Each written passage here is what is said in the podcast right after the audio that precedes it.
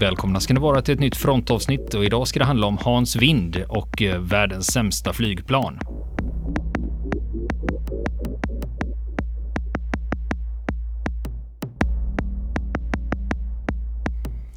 Ja du Niklas, världens mm. sämsta flygplan. Ja, Hur ska det, man tolka det?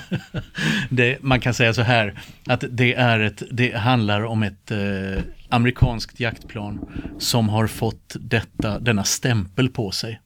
Att det är världens sämsta plan.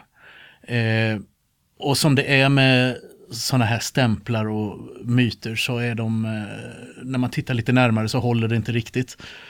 Eh, påståendena kring det här då. Men visst, det finns en del fog för det. Att det var ingen bra kärra. Det som vi ska prata om alldeles, alldeles nu. Helt enkelt. Och planet som vi ska snacka om heter Brewster Buffalo. Mm, och det har jag aldrig hört talas om. Nej. Jag visade en bild här på dig innan. Kan man lägga ut en bild på det här. Men vad säger du när du ser det här planet? Ja, det, det, Försök beskriva det. Det ser ut så här. Det, det ser ut som ett uh, vanligt uh, amerikanskt jaktplan från andra världskriget. Men att det är hoptryckt på längden. Mm. Så att det, det, det, ser väldigt kort och tjockt ut. Mm. Brewster F2A Buffalo. Mm. Jajamän. Alltså det, det, är som en karikatyrteckning av ett flygplan egentligen. Ja, bra. En serietidningsversion. Ja, en, tjock, en tjock korv med små vingar. Ja, du har tagit ett plan och så har du tryckt upp det från för till akter och bara ja. så det har blivit tjockt. Va? Ja, det precis. ser väldigt kompakt ut. Ja, lite så. Precis. Och jag ska, jag ska börja med att berätta hur det här ja, hur, hur jag kom in på det här spåret nu. För, för några veckor sedan så reste jag runt i Finland en, gjorde en rundtur där för att titta på lite historiska, historiska platser som hade bland, har bland annat med andra världskriget att göra. Och eh, besökte Hangö till exempel. Och eh, en bit från Hangö så ligger det en svensk stad som heter Ekenäs. Det är en gammal träkåkstad, träkåksstad, lite Vimmerbykänsla över det kan man säga.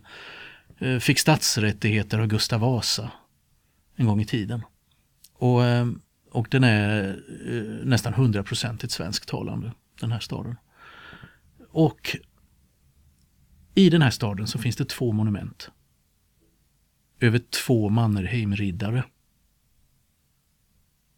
Alltså de har ju fått den högsta, högsta utmärkelsen då under andra världskriget. Då, Mannerheimkorset. Och, eh, och eh, det visar sig att de hade bott i husen jämte varandra, dock ej samtidigt. För den ena föddes i, hus, i, det, i det ena huset och den andra hade bott i grannhuset under sin ålderdom efter andra världskriget. Och den, den som föddes då i, i det här eh, i det ena huset där och tillbringade sin, sina första år av uppväxten i Ekenäs. Han fastnade jag lite extra för. Och han heter Hans Henrik Wind. Och han var alltså ett av Finlands främsta flygares under andra världskriget. Eh, svensktalande, finlandssvensk. Och eh, hade en eh, lista över luftsegrar som ett tyskt flygares inte skulle skämmas över under andra världskriget, så skulle man kunna säga. Det är på internationell hög nivå? Alltså. Ja, det skulle man kunna säga. Han är, ligger på 74-75 luftsegrar. Gör han. Och det är rätt rejält i det här sammanhanget. Och han flög då i eh, eh flög då en Brewster Buffalo under fortsättningskriget. Alltså 1941 till 1944. Eh, kampen mellan Finland och Sovjetunionen. Och det här Brewster Buffalo då, det var ett jaktplan som eh, utgjorde ryggraden i det finska jaktflyget under andra världskriget. Eh, det var ett enmotorigt jaktplan, amerikansk tillverkat och som sagt, som du konstaterar nyss, det ser ganska roligt ut. Kort och tjockt och som hämtat ur en serietidning mm. ungefär. För vi pratar ju mm. ändå om vad, vad finnarna hade. Du vet, vi hade ett avsnitt om eh, Torslanda flygplats under mm. andra världskriget. Ja, och då det. gick vi igenom, för då, vi, då hade ju svenskar köpt in plan, italienska plan Fiat CR42 mm. som monterades nere på uh, Torslanda flygfält mm. och sen skickades till Finland. Då. Så då berättar vi om några flygplanstyper Jajamän. som och fanns här där. finns en liten Sverigekoppling också som jag kommer till strax ska du veta. Ja. västsvensk koppling faktiskt. Dessutom. Och det här planet då, det tillverkades, började tillverkas i slutet av 30-talet. Det hade beställts av amerikanska flottan eh, för att användas på hangarfartyg. Det, det, var, det var avsikten bakom då eh, att, eh, att det här företaget, flygtillverkaren som heter Brewster Aeronautical Corporation fick uppdraget att bygga, bygga det här planet, Brewster då. Eh, man kan säga lite om dataprestanda där då. Eh, kan ta helt kort och bara dra några siffror kring det här då att det gjorde 478 km i timmen. Eh, hade en stjärnmotor eh, med dubbel cylinderrad som gav 950 hästar. Det hade lång räckvidd för sin tid. 1350 kilometer var aktionsradion och det var det som var styrkan med ett hangarfartygsbaserat plan. Då. Det måste ju ha en lång räckvidd mm. över, över vidderna där. Och ja, för när det gäller ja. hastigheten som sådan, mm. 478 eh, sa det här, mm. om man då jämför dem med andra samtida superjaktplan, ja, liksom, då är det inte mycket att komma med. Messerschmitt och dem. Så, då är det inte då, mycket att komma med. Nej, de har inte mycket nej. att sätta emot. De, man kan säga att eh, de blev snabbt utklassad. I, om man tittar på de tekniska specifikationerna så var det här planet väldigt snabbt utklassat på alla plan av, eh, av eh, de eh, moderna och främsta jaktplanen hos stormakterna på den tiden. Eh, Mustang, japanska Zero, eh, tyska Messerschmitten och så vidare. Eh, var alla i princip, hade i, alla, i princip bättre prestanda på de flesta områden än vad, än vad Brewstern hade. Och det här planet kom alltså att användas mest av de allierade men även av axelmakterna. I viss mån under kriget. Och det fick snabbt rykte om sig att vara ett riktigt dåligt plan. Eh, delvis var det lite oförtjänt kan man säga. För att eh, det var ett väldigt framgångsrikt jaktplan eh, på vissa håll, framförallt då i det finska flygvapnet. Och i det finska flygvapnet så fick det också den längsta tjänstgöringstiden av alla, för där var det i tjänst i åtta år. Från 1940 ända till 1948 så var det här planet i tjänst. Men hade de många av dem eller? Mm, det hade de. Ganska många i alla fall. Så att, eh, eh så att eh, eh, man kunde liksom vidmakthålla en ganska stor styrka då under, under kriget. Och det här var länge, som jag sa, ryggraden då i det finska jaktflyget. Men om man tar det från början då, alltså prototypen av Brewstern flög 1937 första gången. Och eh, ett halvår senare, eh, då är vi inne på 1938, så då beställde amerikanska flottan 54 plan. Som man skulle eh, basera på hangarfartyg. Och sommaren 39, alltså drygt ett år senare, så levereras de första nio planen då till amerikanska flottan och de placeras på hangarfartyget fartyget Saratoga. Och eh, rätt så snart de 44 återstående, de eh, klassades som överskott rätt snart. Man var, tyckte att eh, de var inte tillräckligt bra de här första kärrorna då, första leveransen. Och de såldes till Finland. De här 44 planen. Men tillverkningen fortsatte, man gjorde nya versioner av, av planet då, tekniska uppgraderingar och förbättringar då såldes snart hundratals plan av den här typen då. Brewston till Storbritannien, till Belgien och Holland. Eh, och då handlar det inte om hangarfartygsbaserade versionen utan då var det en landbaserad version av det då som man, man sålde. Och eh, eh detta, ja, det hamnade i olika länder trots att det snabbt visade sig underlägset de eh, främsta tyska jaktplanen vid den här tiden då. Och de främsta japanska planen. Eh, men förbättrade versioner som sagt, bättre motor, eh, starkare, bättre propeller och annan utrustning. Men tillkom då i de här nya versionerna då, men vikten ökade därmed och planens prestanda försämrades ännu mer. Då. Och man hade problem med landstället, precis på landningsställen på dem, speciellt på hangarfartygen då, ledde ofta till knäckta landningsställ och krascher och obalans och så vidare av olika slag. Eh, och man kan säga att det här gjorde ju liksom ingen, eh, ingen stor succé då i Stilla havet då, där amerikanerna kom att använda det i stort antal då 41-42. Eh, för att det var redan föråldrat jämfört med Mitsubishi Zero. Man hade oerfarna piloter med, som använde gammal taktik från första världskriget. Amerikanska marinflyget vid den här tiden. De japanska piloterna var redan erfarna eftersom de hade varit krigat i Kina innan de, de eh, sattes in mot USA. Och eh, De amerikanska planen var ju färre och man hade hela tiden taktiskt underläge.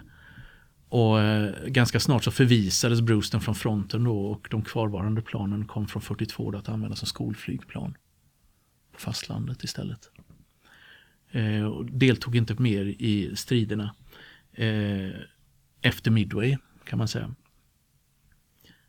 Och eh, namnet Buffalo, det var britterna som döpte det till, planet till det då. Och eh, när det då redan, redan under första krigsåret hade utklassats av Messerschmitten så skickade de generösa britterna det här gamla planet då redan i förtid föråldrade planet vidare till Australien och Nya Zeeland istället. Utrusta deras jaktplansdivisioner i Stilla havet. Och eh, det hamnade även hos brittiska styrkorna i, borta i Stilla havet dessutom. Då. Men eh, de här planen som hamnade där borta, de hade ganska stora kvalitetsproblem då. Först och främst så var de redan de var begagnade och motorerna var redan slitna. Eh, man hade drabbats av transportskador också men ändå lyckades man med eh, stora förluster ändå skjuta ner en hel del japanska jaktplan. Då. Och eh, det var faktiskt tre piloter från samväldet som blev flygares i Buffalo under eh, striderna 41-42. Eh, Holland, som jag sa då, de använde några dussin Brewster Buffalos då i, när de försvarade Java mot Japan 1942. Nederländska Ostindien. Och så satte man in dem inte som jaktplan utan som störtbombare mot japanska krigsfartyg. Mm. Eh, gick sådär. Och man klarade inte, man, klar, man lyckades inte hejda och inte ens bromsa den japanska offensiven då de flesta planen blev nedskjutna eller förstörda på marken. Och eh, Finland slutligen då, där, där nådde man då de största framgångarna. Och Det här planet beställdes då red, under vinterkriget 1939-40 men kom för sent för att sättas in i, i vinterkriget. Eh, första leveransen då skeppades till, skeppades till Bergen i Norge i början av 1940. Och sen så fraktades packlårarna på järnväg till Sverige och monterades ihop på Saab i Trollhättan innan de skickades vidare till Finland. Och Det var av norska och svenska flygmekaniker då som samarbetade där och satte ihop det. Så det var en hel liksom, liten logistisk operation där då för att få det här att fungera. då. Att det skulle gå så smidigt som möjligt. Och de, eh, eh, den första Brewstern, finnarna kallar den aldrig för Buffalo, de kallar den bara för Brewster. Eh, den provflögs i Finland under de sista veckorna av vinterkriget och finnarna var till en början de var inte speciellt nöjda med vad de hade köpt. Inte så imponerade riktigt när det visade sig vad de hade, vad de hade fått och tyckte att de hade fått, köpt grisen i säcken. För i första text, eh, testflygningen då, det slutade med en skuren motor och nödlandning i en snödriva. eh, av det här planet. Och vid ett annat test däremot så visade sig dock att en Brewster lyckades hänga kvar i haserna på en Fiat G50 som var mycket snabbare och inte släppa den. Och det berodde på att trots att det italienska planet var mycket snabbare så var Brewster bättre i kurvorna. Och det där var någonting som finnarna kom att utnyttja mycket under luftstriderna då eh, mot Sovjetunionen senare. Men du, förut sa jag att man monterade eh, Fiat mm. CR42 på, i Torslanda. Frågan om inte mm. det var Fiat G50 om jag bara blandade mm. ihop det. Det var ja. något utav det. Mm. Ja, just det. Just det. Det får vi kolla på. Ja, det kan vi kolla upp mm. ja. snabbt. Mm. Ett med, så man kan säga att i, i grund och botten då, det här var ett i bästa fall mediokert plan på många sätt. Men de finska piloterna då, de lyckades tämja det här och utnyttja potentialen som fanns i planet till maxen då. och man lyckades, eh, alltså, och det var ju en potential som legat helt dold för andra nationer så att säga i, i sammanhanget. Och den här långa räckvidden då, den var guld värd under fortsättningskriget. Eh, och luftkriget där då över de vidsträckta ödemarkerna där det var långt mellan baserna. Då hade man stor nytta av det. Eh, och som jag sa då, den kallades aldrig för Buffalo utan bara för Brewster av finnarna. Men de hade flera öknamn på den som Taiwan Helmi, Himlens pärla. Kallade piloterna det. Lite smickrande. Ja. Eller nu ska vi se om jag kan uttala det här rätt på finska. Pohjoisten Taivaiden Helmi, den norra skyarnas pärla. Kallades den också. Men också flygande ölflaskan eller bakvalter. Kallades den också. Lite skämtsamt på den tiden. Så man hade 44 Brewsterjaktplan satt man där. Satt man med då. Eh, efter vinterkriget. Och trots allt så verkar de ha varit av bättre kvalitet än många av de plan som andra länder fick. Då, som Holland och Belgien och, eh, och Storbritannien. Och eh, Det finns nog en förklaring till det också därför att de 44 planen de var tillverkade i fredstid av civila välutbildade arbetare i flygfabrikerna. Vad hände när kriget bröt ut? Man kallade in alla som fanns tillgängliga. Exakt. För männen var ute. Och så för männen vi... skickades ut för ja. att kriga. Ja. Och, och så kallade man in eh, oskolad arbetskraft som var snabbutbildade för att bemanna fabrikerna. Och klart, då sjönk kvaliteten på produkterna också till en början. Och förmodligen så är det en förklaring till att, till att de finska erfarenheterna med trots allt var bättre i flera avseenden då än, än ehm, eh, ja, vad de var i andra länder. Så att de finska piloterna de tyckte att det här planet var lättfluget. Och man kallade det också för ett flygplan för gentlemän gjorde man medan man döp, senare döpte M Messerschmitt 109 som man fick senare under kriget till det sa man rakt av, det är en dödsmaskin. Eh, de var populära på grund av räckvidden och på grund av att de var ganska tåliga och att de var enkla att underhålla. Och sen löste de finska flygmekanikerna ett problem som fanns med motorn där. I det, en Wright Cyclone-motor. Och det här var jag tvungen att kolla upp och jag eh, la ut en efterlysning på frontens sida för, eh, för ett tag sedan kring detta. För jag kunde inte begripa vad det handlade om. Det var något om kolvringarna. Exakt. Man inverterade en kolvring i varje cylinder. Vilket gjorde att vilket förbättrade motorns pålitlighet. Och det här ledde sen på min privata Facebook-sida till en lång diskussion med olika teorier och spekulationer och eh, alternativa förklaringar till vad det här kunde handla om då. Fick du någon klarhet i det? Då? Ja, det, det, till slut så utkristalliserades en rimlig teori kring det här, vad det här kunde bero på. Och det var ju så att vi, vi pratade om en stjärnmotor. Och en stjärnmotor innebär ju att du har ju, du har ju cylindrar som pekar åt alla möjliga håll. Och en del av de här cylindrarna då, speciellt de som sitter under till, de blir, får dålig smörjning. När de sitter upp och ner. Mm. Och det där gjorde att bidrog till att då, det hände att motorn skar. Då. Att eh, du, under, speciellt under stora påfrestningar där att eh, du kunde få eh, eh, en cylinder som slutade fungera eller en cylinder eller två. Och då, kanske, då var du rätt illa ute. Och eh, om man vände en av kolvringarna upp och ner, det berodde väl på antagligen gradtal och så här på kolvringarna också på något sätt så kunde du skapa en bubbla med olja mellan två av ringarna som gjorde att det hela tiden behöll smörjningen av, av kolven mm. och cylindern. Eh, jag vet inte om det här är rätt teknisk förklaring, men den lät rimlig tyckte jag. Ja. För när du skrev, mm. jag såg ju mm. när du la ut den här frågan, mm. då tänkte jag, men när, när, man, när man använder sig av begreppet mm. invertera, ja. det betyder att man vänder på den. Då tänkte jag ja. att, eh, man, så att du mm. vri, istället för att vända på den, om du vrider den 180 grader, för en kolvring i sig har ju en öppning. Ja, just det. Det har du just alltid. Det. Så att eh, om du har då tre kolvringar mm. och så ligger öppningen på samma håll. Eh, om du då vrider den 180 grader, då Just har det. du ju en som ligger åt andra hållet och det kan mm. öka själva tätheten i motorn då. Mm. Att det kanske inte rinner ut. Ja. Det är en, eh, var så jag tolkade när jag läste just det. Det, just det. För det man, tolkades på flera olika sätt ja, det här. För just, det är samma sak om man säger ja. vänd på den. Ja, men En grej kan du vända på. på olika sätt. Just det, precis. hur, hur som helst så vi, vi gör väl en efterlysning av det här. Att när ni som lyssnar på det här som är större förståsigpåare på motorer och speciellt flygmotorer då.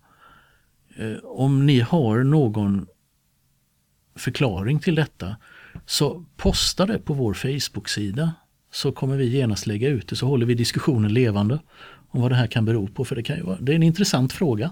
Ja, och det, ja. det, är, det är ju så här att av de som lyssnar på det här att folk är intresserade av olika saker. Så mm. någonstans i Sverige finns det ju folk som förstår det här. Ja. Som kanske är väldigt duktiga på stjärnmotorer. Mm. Och vet mm. om att ja, ja, men det är klart man inverterar den. Mm. Eller liksom ja, det är så självklart. Precis, precis. Så att vi säger så här.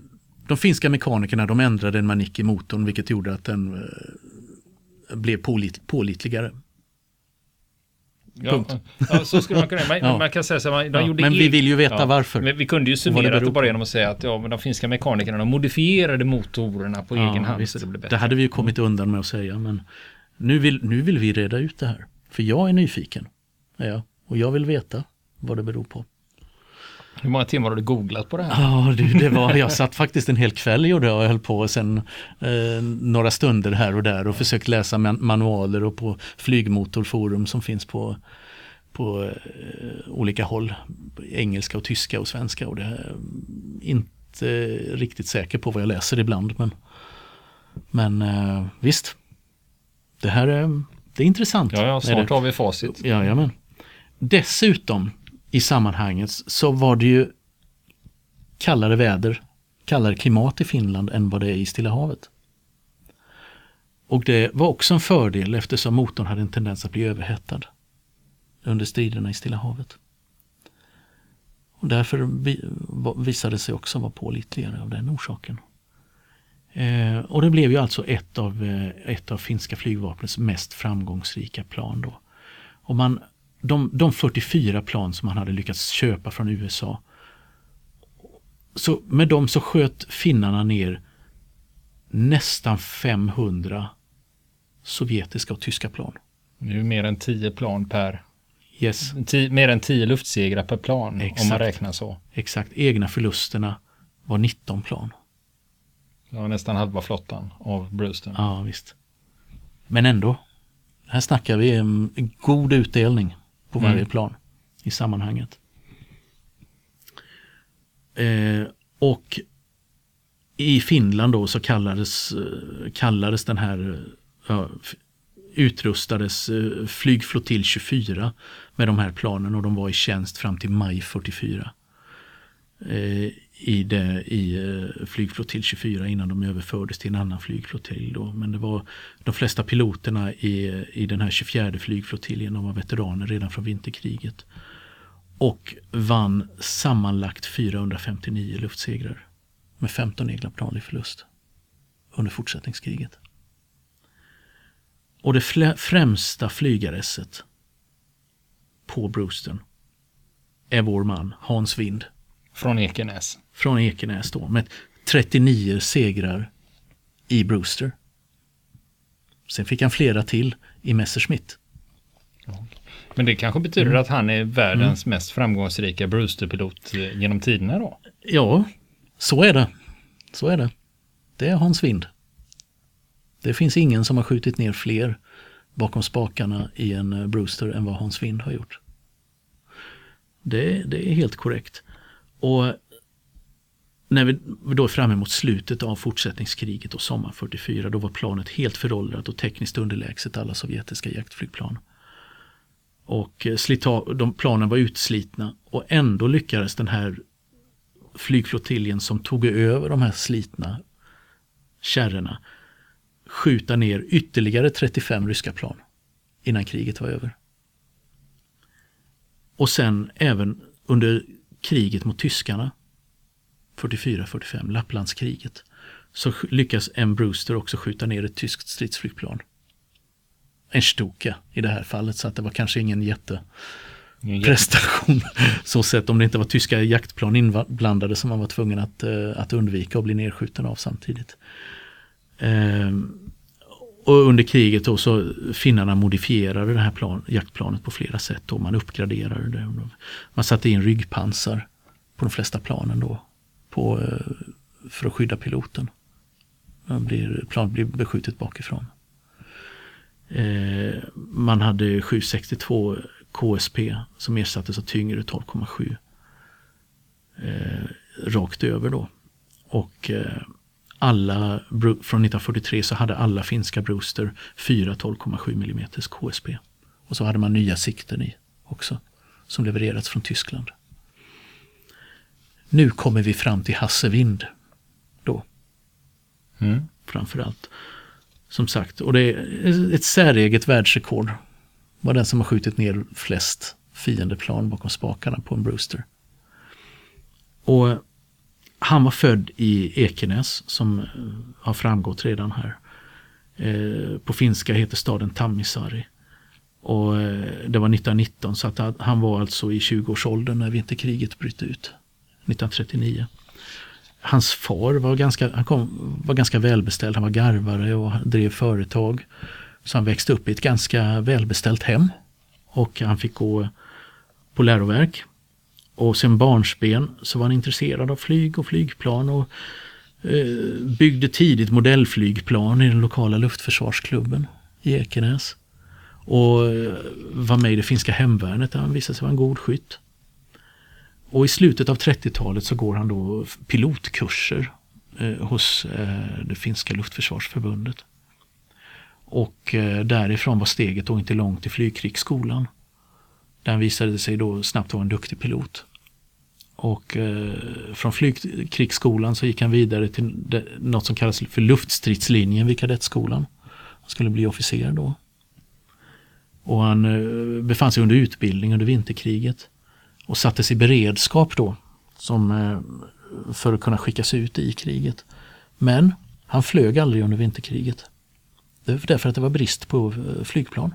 Så man hade fler piloter. fler piloter än flygplan. Alltså. Exakt. Ja. Så han tillhörde de som aldrig ja, aldrig men, men du vet, sattes in. Men då tänker jag så här, hur, mm. undrar hur det är då att vara flygkadett mm. och liksom veta att du sitter i reserven och är beredd att kallas in. Och ja. man vet ju inte, det här kanske Nej. är enda chansen ja, jag visst. får och verkligen Precis. pröva mina vingar. Alltså kommer det ta slut? Talat. Exakt. Exakt, så det var, det var nog eh, och, och en ung hetsporre som Hans Wind verkar ha varit i sammanhanget så eh, var det nog rätt frustrerande att inte få komma ut som sagt. Men, men eh, till slut då, han, han, går vidare, fortsätter studera på eh, kadettskolan. Och till slut då, våren 41 är han klar. 17 juni 1941 så blir han löjtnant i finska flygvapnet. Utexamineras han då? Utexamineras. Nej, ja just det. Nej, du, ja, du har ju rätt ja, i det. det var, han var ju färdig på kadettskolan mm, ja. på våren där och sen 17 juni blir han löjtnant. Då. Just det. Och då vet jag att då strax efteråt så bröt kriget ut igen. Då började fortsättningskriget i samband med den tyska Operation Barbarossa, invasionen av Sovjetunionen och Finland även kastas in i kriget. Eh, på samma sida som Tyskland. Men Wind och de flesta av hans klasskamrater hamnar inte i flygdivisionerna vid fronten. Och det berodde på att trots att de hade gått länge då i sin flygutbildning så hade de för lite erfarenhet av instrumentflygning. De har inte flugit så mycket i molnigt väder. Hade de inte gjort. Så att eh, man vill inte skicka ut dem i de få kärrorna man hade. Nej, men det fanns ju andra, de, mm. de, man får tänka på att de mm. konkurrerar ju med veteraner från exakt, vinterkriget. Exakt, det gjorde de ju. Och det var en vacker sommar, 41. Så piloterna Vind och hans kamrater, de var tvungna att vänta i Vasa på att det skulle bli målningar och väder. För att få ihop tillräckligt mycket erfarenhet och flygtimmar. Och samtidigt så pågick kriget för fullt. Och där sitter ju de och kan bara lyssna på radiokommunikéerna och läsa tidningarna om vad som händer. Och så får de inget eget flygplan. Men det är ju ganska Nej. ovanligt att folk sitter och svär över fan, ja. den här jävla solen kan inte bli molnigt snart. Ja, exakt. Exakt. Precis. Och nästa vecka fortsätter vi historien om Hans Vind och världens sämsta flygplan. Vill ni komma i kontakt med oss så kan ni göra det via vår Facebook-sida som heter Fronten. Det är inga problem för er att leta er fram där. Eller också så mejlar ni på vår mejladress och det är frontenpodcastgmail.com.